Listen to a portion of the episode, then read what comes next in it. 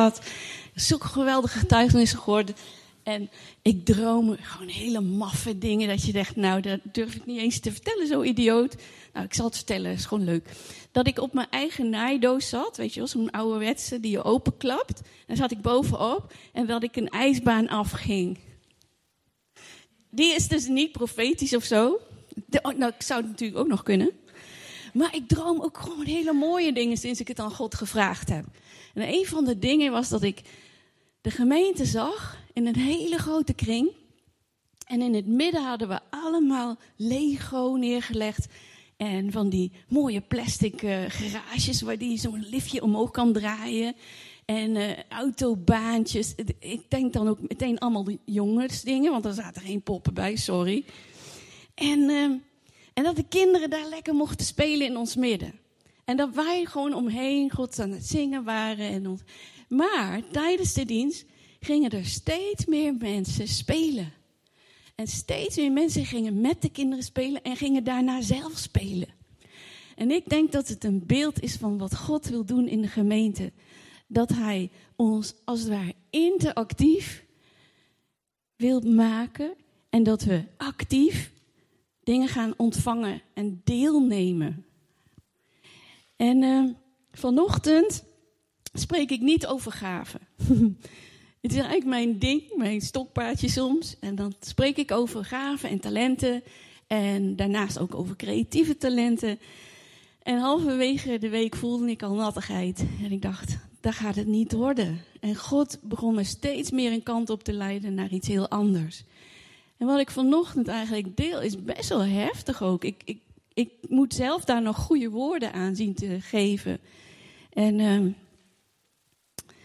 dus ik hoop gewoon dat, ik, dat jullie het kunnen volgen en dat ik uh, daar recht aan kan doen. Ik studeer veel als ik mag spreken. Ik ben altijd heel blij om ook. Maar dan duik ik in de Bijbel en dan duik ik in de grondtekst van woorden. En dan zie je dat één woord, hè, wij denken dan dat is Grieks, dat is dat en niks anders. Maar één woord in de Bijbel heeft een grondtextuele uh, vorm van een concept. Het kan meerdere dingen belichten. En het is zo interessant, uh, hoop ik, uh, wat ik ook vanochtend aan jullie mag doorgeven. Dat je echt gaat, gaat denken van, oh, er zijn ook dingen die tegen mij aanleunen. Die, die voor mij gelden. Wij waren een week geleden, alweer iets meer, in Italië. Giovanni en ik mochten bij Jeugd met een opdracht spreken in Arco. Arco ligt aan het Gardameer. dus in onze pauze zaten wij een limoncello te drinken aan het Gardameer. En ze hadden mij niet verteld dat er alcohol in zat. Dus ik was echt binnen no time teut. En daarna moest ik nog les geven. En er zat er ook nog 25% in. En ik kon echt zelfs niet tegen een kersenbonbon. Dus het was heel gezellig. Maar dat gebied is het gebied waar corona echt heeft huisgehouden waar corona eigenlijk hele communities heeft platgeslagen en veel doden zijn gevallen. In Noord-Italië zijn de steden echt helemaal dicht geweest en de angst enorm. En enorm veel verlies. En ook uh, waren de mondkapjes net voordat we kwamen uh, afgeschaft. Dus, dus voor het eerst zagen ze elkaar weer. hey, ben jij dat? En uh, even later, deze week sprak Giovanni, die gaat heel vaak op middelbare scholen lesgeven. En hij geeft dan les over verslaving en identiteit op tieners. Dus eigenlijk voordat het misgaat, leren hoe werkt verslaving en hoe werkt het bouwen van je identiteit. En ik kwam thuis en die zei, kwam een meisje naar me toe. En die zei, ja, ik ben niet verslaafd, maar mijn beide ouders wel. En een ander meisje zei tegen hem, mijn papa heeft zelfmoord gepleegd. En dan sta je daar als jongerenwerker en als uh, persoon met het antwoord. En het leed kan zo ontzettend groot zijn als we om ons heen kijken. Als we kijken in Arco, wat daar, wat daar neergeslagen is. En heel vaak is het zo dat, dat eigenlijk een, een soort stem over de massa gaat. Waar is God? Als God dan liefde is, waar is hij dan? En in Arco uh, met YWAM doen ze heel veel aan evangelisatie. En wa waar ze ook op inzetten is um, mountain climbing. Zeg je dat? Niet bergbeklimmen met lopen, maar rechtse steile wanden. Dat is daar echt het mekka. Zo mooi. Dus hebben ze hele grote gear en gaan ze met mensen de, de lucht in. Ik bedoel, de wand in. En overal waar ze evangeliseren, hoor je diezelfde vraag. Kijk eens naar die oorlog. Kijk eens om ons heen. En ik moet eerlijk zeggen dat ik, dat ik het nu zelfs nog benauwd vind om daarover te spreken. Omdat ik het niet kan voldoen om daar een totaal antwoord op te geven. Maar ik kreeg van God het idee dat hij zei: Je moet tegen de gemeente zeggen dat ik goed ben. En dat er geen kwaad in mij is. En ik, ik, het raakt me gewoon dat we dat in de gemeente eigenlijk moeten zeggen. Herinneren, opfrissen. God is goed. En er is zelfs geen deeltje slecht in hem. En hij heeft met ons het goede voor. En de evolutie zegt, dat hoor je dan overal als je midden in de wereld staat en je denkt, wij zijn een klein christelijk clubje en de rest zegt alles anders. De evolutie zegt, ja, we zijn maar een biochemisch proces. Eigenlijk een soort zak met botten en vlees. En het antwoord daarop is: zit het maar uit. En karma, wat nu heel populair is onder jongeren. Overal hoor je, ja, dat is bad karma. Dat is een goede grap natuurlijk. Maar karma zegt, jij deed iets en dat verdien je. Eigenlijk zegt de gedachte daarachter, het universum straft jou. In een volgend leven kom je terug. Iemand zei: Ja, het universum heeft me gestraft. In het volgende leven word ik misschien wel een vrouw. Ik vond hem heel grappig, maar die kon het ook echt beter vertellen.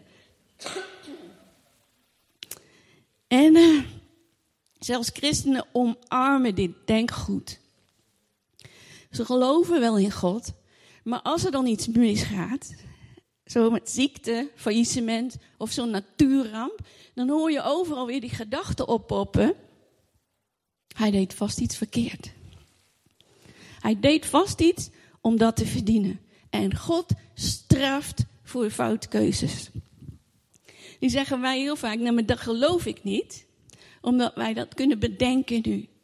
Maar zo vaak gebeurt het dat dit in ons denken ingeslopen is. Dat God ons straft. En anderen geloven dat God empathie heeft, dat hij dus wel liefdevol is en dat hij wel daar is en naar ons kijkt, maar van een afstand.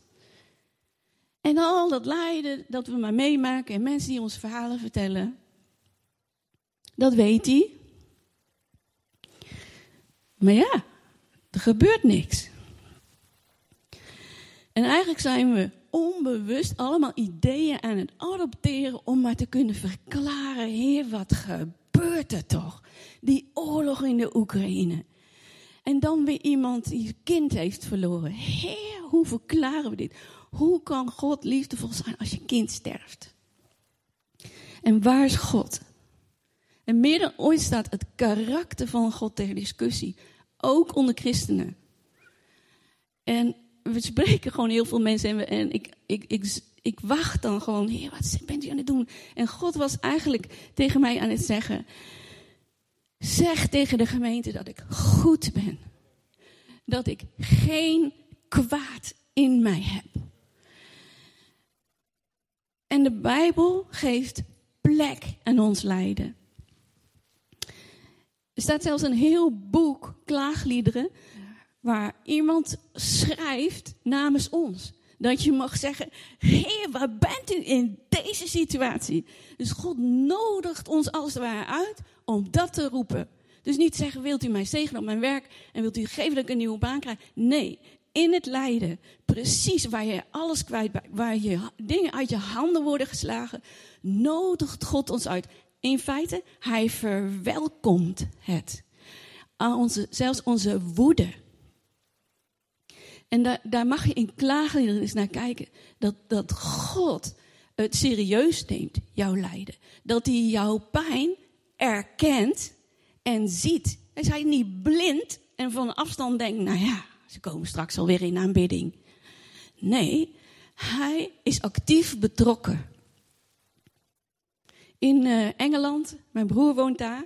En in Engeland was er een hele grote nationale ramp. En het is vaker gebeurd. En deze keer was het zo dat het heel Engeland tot een handelen trof. En dat was dat die oude huizen uh. Maar er zaten kinderen in. Dus er is een gezin, deels helemaal door de brand omgekomen. En toen dit gedacht werd, kwamen er ongelooflijk veel mensen uit heel Engeland naar die plek. En iemand uit het gezin had de minister gevraagd: wil je dit voorzitten? En die persoon die had God gezocht en zei: wat moet ik in Gods naam zeggen, Heer? Wat moet ik toch zeggen in zo'n leed? Hé, je staat daar. En hij las een stukje voort uit Psalm 147, vers 6. En er stond: God doet recht aan ons lijden. Hij doet recht aan degenen die neergeslagen worden ter aarde door het leven. En hij troost de gebrokenen van hart. En in die menigte begonnen mensen te klappen. En dat zwelde aan dat overal mensen begonnen te klappen totdat het een staande ovatie was voor die woorden uit de Bijbel van Psalm 147. Want mensen vonden troost in het idee dat God onze pijn en het onrecht, dat hij daar wat aan doet. Dat is niet altijd meteen in het leven zo, dat hij het oplost, maar dat hij cares.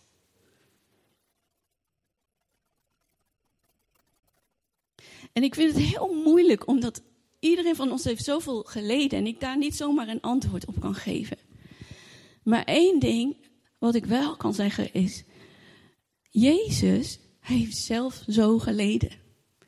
Aan het kruis heeft hij niet alleen de zonde verslagen en de dood op zijn achterste gegeven en de deur uitgestuurd, maar hij heeft elk lijden verdragen. En hij absorbeerde eigenlijk elke pijn. Pijn van het verlies van een kind, pijn van ziekte, pijn van armoede. Ons lijden werd gezien en erkend door een liefdevolle God. En fundamenteel is, is God caring. Ik vind daar gewoon geen mooi woord voor in het Nederlands. Wie heeft een mooi woord? God, he cares. Roept u maar. Zeg nu. God is zorgzaam, zei je? Wat zei je, Mieke? God draagt ons. Nog één. Bewogen. Ja. Medeleven. Kom bij jou. Sorry? God takes care of you. Dat is de kern, hè? Ja, hij is verschillig. Dat is origineel. God houdt van nieuwe dingen, hè? Mooi, mooi woord.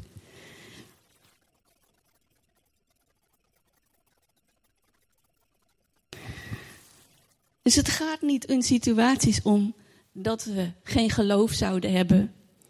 Of dat iets onze schuld is. En wij communiceren nog steeds graag met schuld. Maar in God is schuld eigenlijk helemaal afgeroomd. En kan, kan hij naar ons kijken en zeggen: Wil je alsjeblieft met je nood naar me komen? Schreeuw maar tegen me. Ik kan het hebben. Ik ben er klaar voor. Kom je leed maar uitstorten bij hem. En vind daar wat je nodig hebt. Ik wil jullie heel eventjes ja, dit, dit laten landen. En een schilderij laten zien. Uh, wat ik gemaakt heb. En het heet The Blessing. En een tijd geleden was dat lied van The Blessing helemaal uh, viral gegaan. Ik denk dat het echt profetisch was, ook in de coronatijd. En uh, er staat eigenlijk dat. Uh, ik ga het gewoon even voorlezen. wil jij het even voor mij projecteren? In 2015 werd er een zilveren rolletje gevonden in de grond in Jeruzalem, in het oude gedeelte in de stad van David. Daar wordt nog steeds opgegaan, er worden nog steeds dingen gevonden en dat is zo mooi. En een archeoloog die vertelde Wij wisten dat al. Dat was een, een rolletje, niet groter dan een wc-rol, sorry hoor. Helemaal zilver, 99% zilver en daar stond van alles in. Nou, dat wisten ze al. Maar in de technieken van deze tijd, door middel van scannen en, en allerlei uh, technieken, konden ze dus veel meer lezen. En wat er dus stond is de blessing uit nummer 6. En de boekrollen in Qumran zijn de oudste geschriften die wij kennen. En dit rolletje was 200 jaar ouder. Dat betekent Gods woord is betrouwbaar. En er stond, de Heer zei tegen Mozes, deze woorden moet je het volk van Israël zegenen. De Heere zegene jullie en hij behoede jullie. De Heer doet zijn aangezicht over jullie schijnen. Kan zijn dat er een ander woord staat, hè? ik check dat even niet. En hij is jullie genadig. De Heer verheffen zijn aangezicht en geven u vrede. Zo zullen ze mijn naam op het volk leggen. En dit was een blessing, die kregen ze gewoon gedownload, had hij niet bedacht. En de priesters moesten hem uitspreken. Dus Aaron en zijn uh, zoons, die kregen dit, spreek dit elke keer uit als je het volk zegent. En ik wil gewoon heel graag met jullie even de grondtekst doornemen van deze blessing. Er staat de Heer. We hebben er geen mooi woord voor. Want de Heer is gewoon meneer. Van een lagere naar een hoger iemand. Dus dit wordt ook voor andere mensen gebruikt. Maar in de grondtekst staat die letters lange I, W, WH. Zonder klinkers. En men maakt ervan Yahweh. En Yahweh betekent ik ben. En ik ben de altijd aanwezige. Hij die genoeg is in zichzelf. Hij heeft eigenlijk niks anders nodig. Dat hele wezen van God volstaat voor de hele aarde. En er zijn scholars en die onderzoeken dan het woord en die zien dat er heel veel dingen terugkomen. Metaforen uit psalmen komen terug in woorden in Genesis. Ja? Dus het Joodse volk en de teksten is een uh, verbinding. Wij denken altijd, dit staat er, dit betekent het. Maar God zegt, ja, dat is waar, maar ik heb nog een laag voor je. En dan denk je, nou weet ik het. En dan heeft hij nog een diepere laag. En een van de diepe lagen deel ik met jullie omdat ik het zo ontzettend mooi vind. En de scholars zeggen over het woord Yahweh, het is een ademhaling. Als wij inademen is het ja.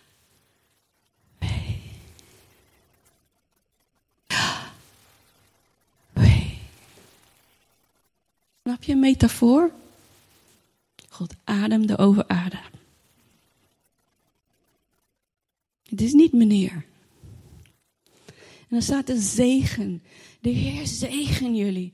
En wij denken, en dat is het ook, het is het ontvangen van gunsten, van speciale dingen, van geschenken van God. Dat is het allemaal. Maar het Hebreeuwse woord is barak. En barak betekent neerknielen voor iemand. En er staat, wij knielen neer voor God. En letterlijk staat er, en God buigt zich over ons. Dus er is een soort beweging in zegening. Het is niet stilstaand. Het is een actief zeggen van, ik ben er, ik zegen jullie, tada, ik kom eraan, kom allemaal bij elkaar, daar kom ik. En er staat de behoeden jullie. Ik vind het Engels soms zoveel mooier, hè? Maar het Hebreeuws zegt shamar. Shamar betekent bescherm, bewaak. Ook iemand die om hulp roept, help, ik verzuip. Shamar, zoekt. Bescherming. Maar het is ook het woord waar de engel voor de boom van leven werd gezet in Genesis. Adam en Eva waren uit de hof en niemand kon meer bij dat ding komen. Dat zou gevaar zijn voor de hele wereld. En daar staat een engel met een vlammend zwaard. De boom des levens, de shamar. De shamarren. Plaats willen. Als jij hem gewoon even vasthoudt. ik vind dat je net de juiste maat hebt. Hij zet hem anders bij mij, dan vang ik hem wel weer op. Ja. Oké. Dus Yahweh belooft hun goddelijk te beschermen. En er staat, hij, we zijn niet hulpeloos. We moeten ons niet gedragen als victims, als hulpeloze kinderen. Er is niks in deze wereld wat we kunnen doen. En God zegt, je bent niet hulpeloos. Ik shamar jullie. Dan staat er, de Heer doet zijn aangezicht over jullie lichten. En hij gebruikt daar weer een metafoor. En dan zie je weer hoe poëtisch God is. Hij zegt nooit, ja, ik ben zo iemand en dan, dan komen allemaal stralen. Nee, hij zegt, ik ben als de zon. En dan, zoals je zegt, oh, en vandaag, hè, ik ga straks lekker buiten zitten met thee. Koffie is niet van de Heer, hè? Dat weet ja? Dus thee. En dan, en, dan, en dan gaat God die stralen als de zon vergelijken met hoe hij naar ons kijkt. Dus genietend. Hij kijkt gewoon, daar zijn ze. Kijk, ze zijn mij aan het bidden. Zag je die kinderen vlaggen? Hey, zag je dat kind op die tafel staan? Die vlaggen voor mij. Hij geniet van ons. En hoe moeilijk wij ons dat kunnen voorstellen, hè, dat is die ziel, die kan helemaal niet mee. Onze geest moet ervoor wakker worden. Het is een glimlach van een liefhebbende vader. En er staat letterlijk bij, in de, in de Statenvertaling, als je dit leest, is zo mooi. Er staat letterlijk, God verbergt zijn aangezicht niet. Nee, dus hij, hij, weet wat we denken. Hij denkt, ja, uh, wij denken, oh, ik heb het weer gedaan, hè. Jeeps, ik heb uh, mijn moeder uitgescholden, jongen, en een brief gestuurd, echt, van hier tot Tokio. En dan gaat God gewoon dit doen. Maar God zegt eigenlijk, ik verberg mijn aangezicht niet. Dat staat in de blessing. Voor ons staat het zijn aangezicht over jullie lichten. Dat is best wel mooi. Maar er staat in, hij zal nooit zijn hoofd voor jou wegdraaien. Je hoeft je nooit te schamen voor hem. Je mag altijd hem recht aankijken. En dat kunnen we natuurlijk niet zelf, hè? Dat, dat, laat dat duidelijk zijn. En hij is jullie genadig. We hebben allemaal straf verdiend. En we leven in een wereld waar straf. Iemand heeft iets gedaan op het journaal. Hij moet straf krijgen. Maar God straft niet. Hij, hij, hij kiest ervoor om onze straf zelf op te eten. En om ons aan te kijken zeggen, er is niks meer. Je zegt niks meer, je mag me gewoon aankijken. En dan is het zo bijzonder dat hij nog een keer zegt, de Heer verheffen zijn aangezicht over u. Dat had hij net gezegd. Was het niet duidelijk? Nee, het was niet duidelijk. Onze ziel kan dit niet geloven. En als we dit vertellen aan mensen die nog kampen met religie, die zeggen: Ik moet toch ook wat doen? Dan herhaalt hij het nog een keer. En dan zegt hij: Weet je hoe ik ben? Ik ben goed. En ik zeg nog een keer: heb je nog de volgende voor mij? Ik, ik doe de Heer verheffen zijn aangezicht over jullie. En weet je wat dat betekent? Uh, het, wordt letterlijk vergeleken met dat zo'n kind binnenkomt lopen in een ruimte. Hè? Dus, uh, ik had dat daar straks met het zoontje van uh, Willem. Die komt dan zo binnenlopen en die kijkt je aan. En die kijkt echt zo direct zoals hij vindt en dat hij is. Hè? Zo eerlijk als me kan. Die kijkt je gewoon aan. En dan krijg ik het altijd een beetje benauwd. Denk ik, hoop dat hij me leuk vindt. Hè? Dus dan ga ik zo naar hem toe en zeg ik zo... Ik buig. En ik laat mijn intentie zien. Dus ik laat eigenlijk zien, ik ben ook aardig hoor. Hey. Box. Ik probeer dan een beetje iets met een jongetje te doen. De Heer buigt zich voorover. Staat ook in Psalm 6. De Heer neigt. Dus hij buigt zich voorover. En zijn aangezicht is dit. En dit is ons profiel. Dit. Maar hij kiest aangezicht. En hij buigt zich voorover. Kijk maar naar mijn gezicht. Kijk maar naar mijn intentie. En dat is de tweede keer dat het al gezegd wordt. blijkbaar hebben we dit zo nodig. Dus hij buigt zich over ons en hij verklaart zijn intentie. En intentie is, hij geeft ons vrede. Hij geeft ons vrede. En het kan in het lichamelijke zijn. Het kan in een land zijn. Het kan in een continent zijn. In onze ziel, waar de oorlog is. Hè? Ik had heel veel dat ik in mijn tienertijd. Ik wou mijn vader vermoorden. Goddank is het niet gebeurd. Maar het zat wel in mijn hart. Ik heb vrede mogen leren. Vrede met mijn pa. En aan het eind hadden we vrede. Maar een van de grootste dingen is ook in onze geest. Dus als je weet, ah, ik ga zo lekker wandelen, dan ga ik echt de Heer aanbidden. Dat je weet, het is goed, we hebben vrede. Ik hoef niet meer eerst alles op te sommen. En, kijk, en, en dit gaat niet over zonden die in je leven zijn, die worden beleden. Maar van God uit naar ons, hij biedt ons vrede aan. Hij heeft alles klaargemaakt. Hij heeft de witvlag. Hij heeft zelf de prijs betaald. Hij heeft de oorlog uitgevochten. Er hoeft niemand meer te sterven. En we mogen gewoon zeggen, echt? Ja, echt. Echt? Ja, echt. En dan pak je die hand. Dank je wel. God is goed. En er is geen kwaad in hem. En wij hebben zijn DNA. Het is heel mooi. God heeft ons zijn DNA gegeven in de schepping. We zijn het kwijtgeraakt. We hebben er schoftig mee omgegaan. We hebben foute keuzes gemaakt. En wat heeft God gedaan? Hij heeft allemaal klaargemaakt, opgeruimd, opgeschoond. Zodat wij weer dat DNA kunnen dragen. Nou ja, wij kunnen dus ook die blessing voor onszelf bidden. Want zoals de priesters het moesten opnoemen, mogen wij het ook opnoemen. Voor onszelf, allereerst. En mensen vinden dat vaak egoïstisch. God heeft eerst met jou te maken. En dan ga je jouw gezin zegenen en jouw huwelijk. En dan vergroot je je gebied. Zeg je, nee, ik ga voor mijn hele familie bidden. Nee, ik heb ook nog familie in Australië. Er zijn er een hoop. Daar ga ik ook voor bidden. Ik had besloten toen ik groeide in de Heer dat ik dacht, wat kan ik aan? Wat kan ik echt volhouden? Hè? Dus ik begon met mijn pa en dat was een kluifje En ik heb daar zo lang voor gebeden, samen met mijn broers hoor, en mijn, en mijn man. Maar mijn pa, echt een goddeloze, godhater, is christen geworden. Het duurt 30 jaar, maar dat is gebeurd. En toen dacht ik, oh Heer, mijn familie, mijn familie in Australië. Ik was daar naartoe gegaan op mijn zeventiende.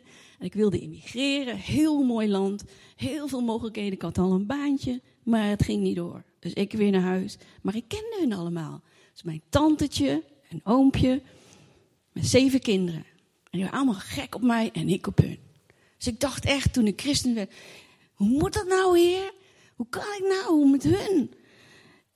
Ik kan toch niet schrijven, de heer houdt voor jullie. En, en dan krijg ik, weet ik niet wat terug. Weet je, hoe moet ik nou? Dus ben gaan bidden. Ben de zegen over hun gaan uitspreken. En vertrouwen, God doet daar wat mee. Toen ging mijn moeder, en mijn moeder is overleden een jaar of zes geleden. Ik ben echt niet van de getallen. Het kan zomaar zeven zijn, ja. En uh, toen dacht ik, dit is het moment. Ik kreeg wat centjes van erfenis. Ik dacht, ik ga naar mijn tante. En ik neem een heleboel erfgoed mee, allemaal borden en zo. Ik zit trouwens te denken, volgens mij heb ik dit al verteld. Thanks. Dat had ik even nodig. En eh, dus echt een hele koffer vol borden en theepotten. Want ik dacht, zij krijgen nooit erfstukken. Dus mijn moeder had allemaal mooie erfstukken. En zo'n bord, onderbroek, bord, hemd. Zo tussen die kleren, weet je wel. Sorry, dat is allemaal informatie, hè. Maar ja, ik ging met mijn koffer naar mijn tante en mijn achtergrondliggende gedachte was gewoon... Oké, ik kom erfgoed brengen, maar ik wil echt mijn evangelie vertellen aan jullie. Dus ik was daar maar aan het wachten en aan het wachten. Wanneer kan ik nou eens iets vertellen? Ik was altijd gewoon te wachten op een open deur. Want ik wil gewoon niet bot zijn of, of hun afkraken. En er was van alles in hun leven. Man, misbruik, homofilie. God, ik dacht, zegen mijn familie, hè. En ik moet eerlijk zeggen dat ik zo'n gedachte had die ik in het begin zei. Dit is nou echt zo'n gebied, hè, Australië. Dan ben je de enige christen. En waar, waar zie ik God nou bewegen, hè?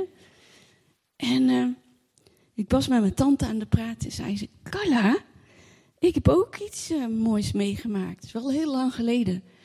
Toen vertelde ze dat. Ze had al vijf kinderen. Toen kwam er nog een stel, een tweeling. Ze was helemaal niet blij mee. Maar de eerste werd geboren in het ziekenhuis. En toen stierf zij. Ze kreeg een soort blackout. Ze verdween en ze was weg.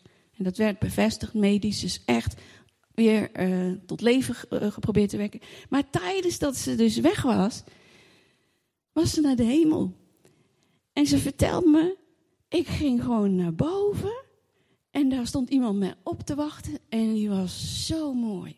Zo liefdevol. En hij vroeg mij, wil je met me mee? En ik zei, ja. En toen zijn ze een soort hand in hand of arm in arm, dacht ik. Een heel gebied gaan bekijken. En hij vertelde haar alles en hij leerde haar van alles. En van alles werd haar duidelijk. En toen zei hij, Betsy, je moet terug. Er komt nog een baby. Hij zei, nee, dat wil ik niet. Ik wil hier blijven. En ze zei, die, het is echt beter dat je terug gaat. En ineens was ze weer in het ziekenhuis bijgekomen. En een andere baby moest nog geboren worden. My goodness, hè? Dus van het complete licht echt weer in die aardse donkere onder een sluier. En ze zei, baby kwam levend tot leven. Twee baby's in die kindwagen.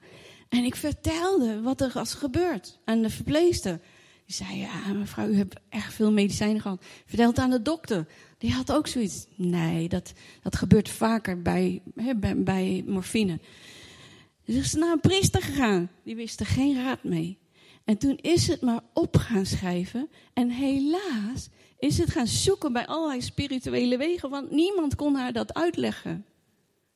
Maar ik kom daar aan en ik dacht, in mijn eentje moet ik hier de hele meute maar bekeren. Terwijl God werkt altijd. Hij werkt gewoon door onze zegen.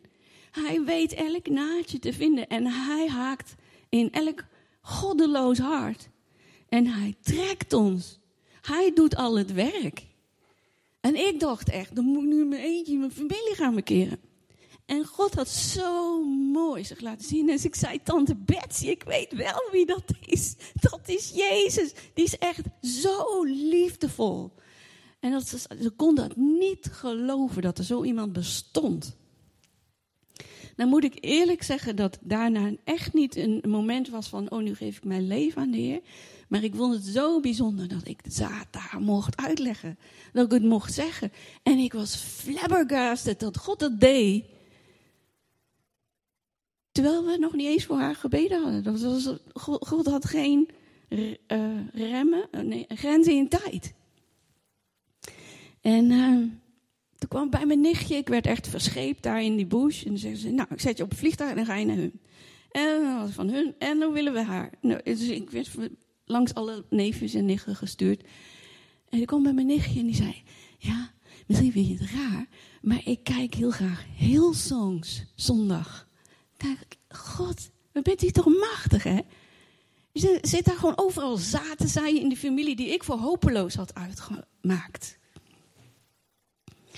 En haar dochter zei tegen mij: ja, Ik doe maatschappelijk werk en dan, en dan ga ik bij mensen thuis en dat is echt niet makkelijk, maar ik, ik ervaar het als een roeping.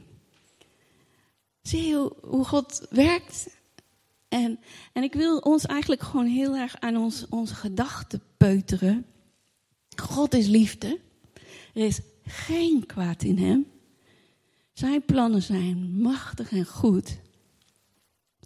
En hij werkt als wij het helemaal niet zien. En als wij kijken naar de wereld en zeggen, hoe moet dat nou? Met al die kinderen, met de jeugdzorg en met dit. Dan hebben wij een machtig wapen. Want wij hebben een stem om te zegenen. En ik heb zo vaak, en misschien ken je dat, fiets ik ergens, staan we bij het stoplicht, dan zie ik iemand denk, oh my goodness. En dan laat God iets van de binnenkant van die persoon zien. En dan zie ik soms gewoon zoveel ellende in één moment. En dan kan ik er niks mee, want die fietst weg en ik fiets weg. Is het hopeloos? Nooit. Want wat hebben wij gekregen? We hebben de zegen gekregen. Dus wij kunnen zeggen, ik zegen jou. Een vingertje terug natuurlijk. En dan mag zelfs in je hoofd, stil. Maar ik zegen je in de naam van, ja. En ik vertrouw erop dat mijn zegen machtige kracht heeft. Voor een moment van 10 seconden.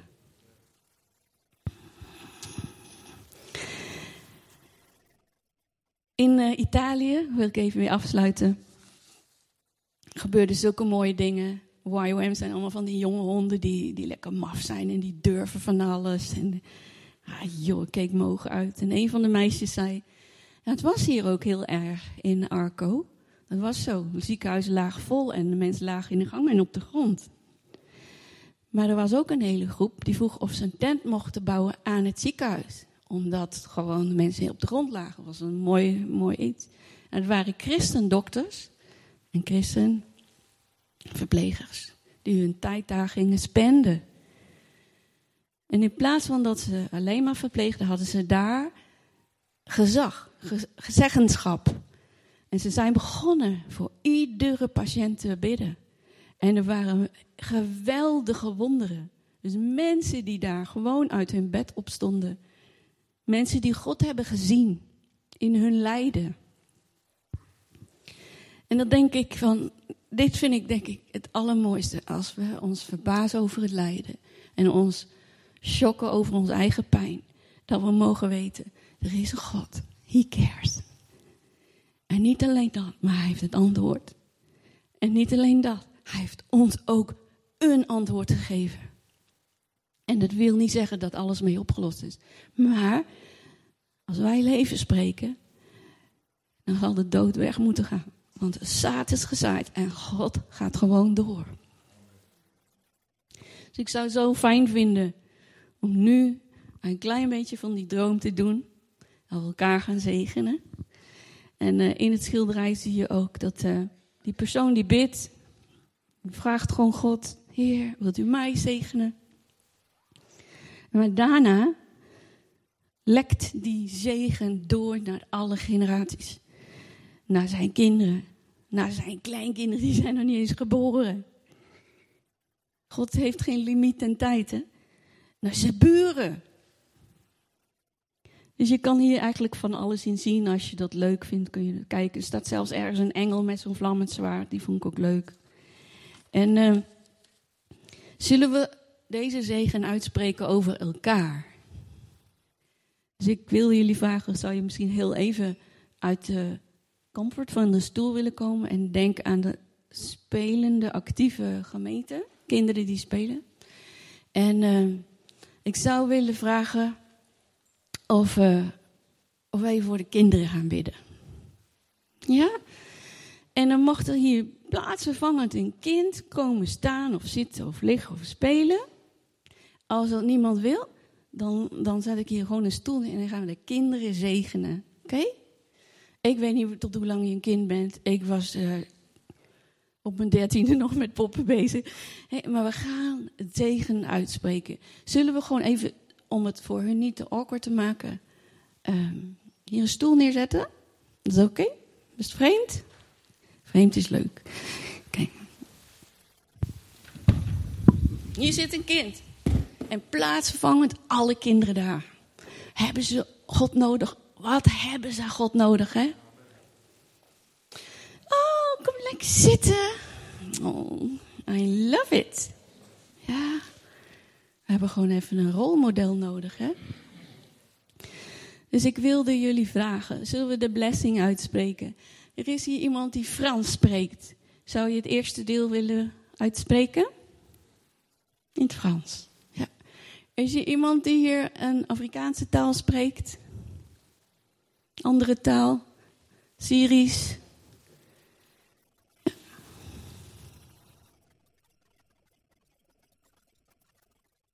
Um, Biemert, wil jij misschien de blessing in zijn geheel eventjes projecteren? Dat is misschien makkelijker.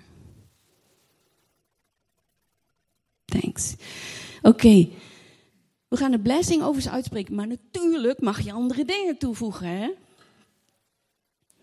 Uh, Nagi, zou jij het tweede deel willen doen? Ik weet niet waar zij stopt, maar je geeft gewoon een paar zinnen in het Frans. Kan je het lezen? Iemand nog in een andere taal? Omdat we hier zoveel buitenlanders hebben, hè? Oké. Kijk maar naar die kleine. Die hoort bij de gemeente. Er zijn nog zoveel meer kinderen die eigenlijk bij de gemeente horen, die misschien niet komen, die niet durven, die zoveel leed verdragen, maar die wel bij onze slipstream horen. Ja, ga je gang.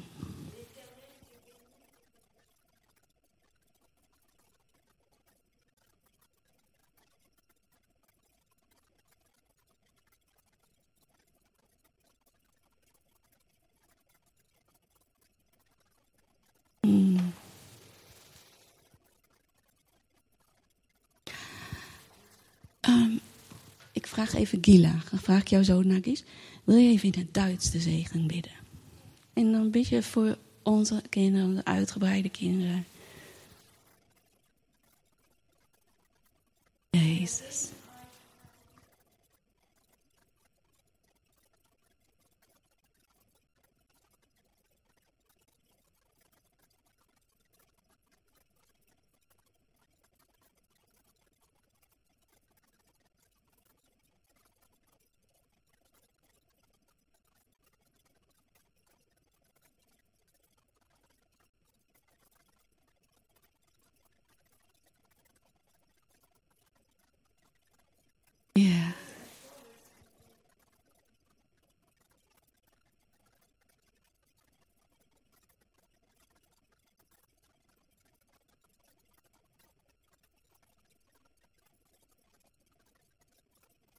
Amen. Super. Dank u wel voor